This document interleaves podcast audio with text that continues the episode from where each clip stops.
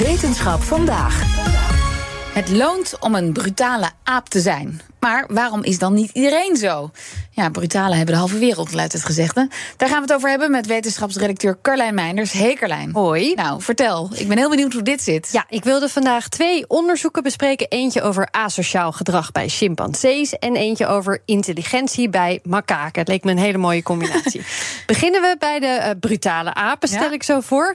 In een nieuw onderzoek is gekeken naar de uh, karaktertrekken... die mannelijke chimpansees helpen de top te bereiken pesten, hebberigheid, geïrriteerdheid. De lijst was niet heel erg gezellig. maar dit waren de persoonlijkheidstrekken die zorgden voor een hogere ranking op de sociale ladder en voor meer nageslacht. Echt een apenrot dus. Maar ja. dan maar meteen de vraag: is dat ook zo bij mensen? Ik denk als je de hele geschiedenis van de mens erbij pakt, dat asociaal gedrag zeker een pad naar de top is geweest. Maar dat dit wel nu flink aan het veranderen is. Ik denk niet dat wereldwijd gezien asociale mannen nog steeds evenveel succes hebben met dat gedrag als lang geleden. Um, wat de onderzoeken, dat hebben ze niet bekeken in dit onderzoek. Hè, natuurlijk, ze hebben hier gekeken naar de chimpansees. En wat ze zich afvroegen, als het loont om een pestkop te zijn, waarom zie je in een groep dan zoveel verschillen? Waarom zijn dan niet alle apen pestkop? Ja, goede vraag. Hebben ze dit in het wild bestudeerd? Ja, in dit onderzoek zijn 28 mannetjes chimpansees gevolgd in het Gombe National Park in Tanzania.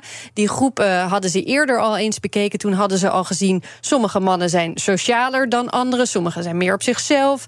Sommige zijn makkelijk in de omgang. Anderen hebben constant ruzie met iedereen. Uh, dat is bepaald dat ieder mannetje anders was door jarenlang vrijwel elke dag deze groep te bestuderen.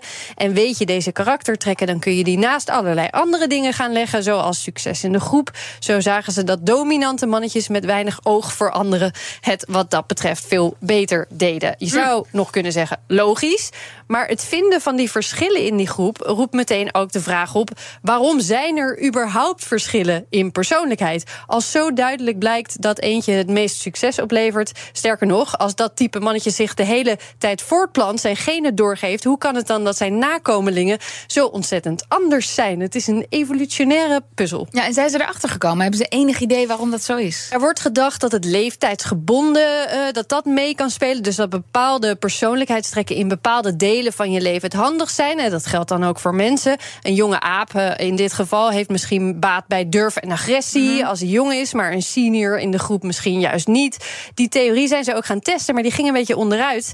Want uit 37 jaar aan data, waaronder ook het vroege werk van Jane Goodall, oh ja. dat zat er ook bij, zagen ze dat dezelfde persoonlijkheidstrekken voor succes zorgden gedurende het hele leven uh, van die mannetjes. Oké, okay, dus die evolutionaire puzzel is nog niet opgelost? Nee, nee, er is nog niet een eenduidig antwoord. Als ik een beetje zou moeten gokken, dan zou ik zeggen: een groep functioneert beter als je van alles wat hebt. Uh, dus dan is het in het belang van de hele groep als er niet alleen maar asociale mannetjes rondlopen. Het laat onderzoek naar teams in werkverband ja. bij mensen ook zien. Gevarieerde groepen presteren veel beter dan een groep waarin iedereen op elkaar lijkt. Gaan we even naar die intelligentie. Iets wat we ons lang onterecht hebben toegeëigend als mensen, zou ik zo zeggen.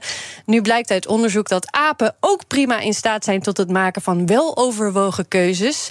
De bekende onderzoeker Daniel Kahneman schreef er een boek over Thinking Fast and Slow. Hij stelde dat mensen twee denksystemen hebben. Eentje die meer automatisch en snel werkt... en eentje die veel bewuster en langzamer werkt. Die laatste zouden we dan nodig hebben voor het schrijven van muziekstukken... Uh, boeken, voor onderzoek doen, voor het doen van administratie, financiën. Ja, dat is toch iets wat alleen maar mensen doen. Ja, of toch niet. Ja, of toch niet. Uh, dit is onderzocht bij twee makaken. Die leerden plaatjes associëren met een bepaalde hoeveelheid van een lekker sapje. Het doel was om op een scherm virtueel een combinatie te maken van die plaatjes en dus hoeveelheden van die sapjes die bij elkaar niet meer dan 0,8 milliliter waren. Ze kregen in de test vijf plaatjes te zien. Ze hadden in de training dus geleerd welke hoeveelheid daarbij hoorde. Mm -hmm. Ze hadden vervolgens vijf seconden om een combinatie te kiezen. De plaatjes die ze kozen zagen ze ook op dat scherm in hoeveelheid sap in een virtuele knapzak gegoten worden. Uh, gingen ze in een uh, totale hoeveelheid sap in een beurt over die 0,8 milliliter heen, dan kregen ze niets.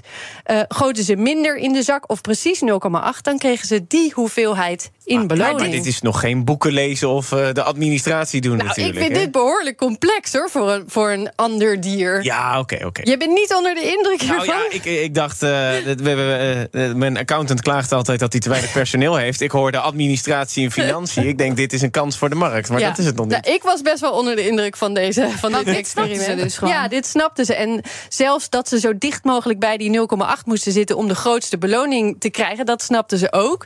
Uh, heel complex onderzoek. Als je precies wil weten hoe al die controle, taken en dingen werken... lees vooral de paper even door. Uh, dat haal ik allemaal niet meer in deze aflevering. Maar zo'n uitkomst heeft meteen wel implicaties. Niet alleen voor over hoe we denken uh, over de intelligentie van Mhm. mm -hmm. andere dieren. Het heeft ook een link met het mechanisme achter overleven, achter keuzes maken. Zelfs de manier waarop de hersenen geëvalueerd zijn en gevormd. Daar, daar, dat gaat allemaal implicaties hebben voor onderzoeken daarnaar. Dus ik ben best onder de indruk van ik deze ook, apen. van deze test. Brutale en slimme apen. Dankjewel, Carlijn.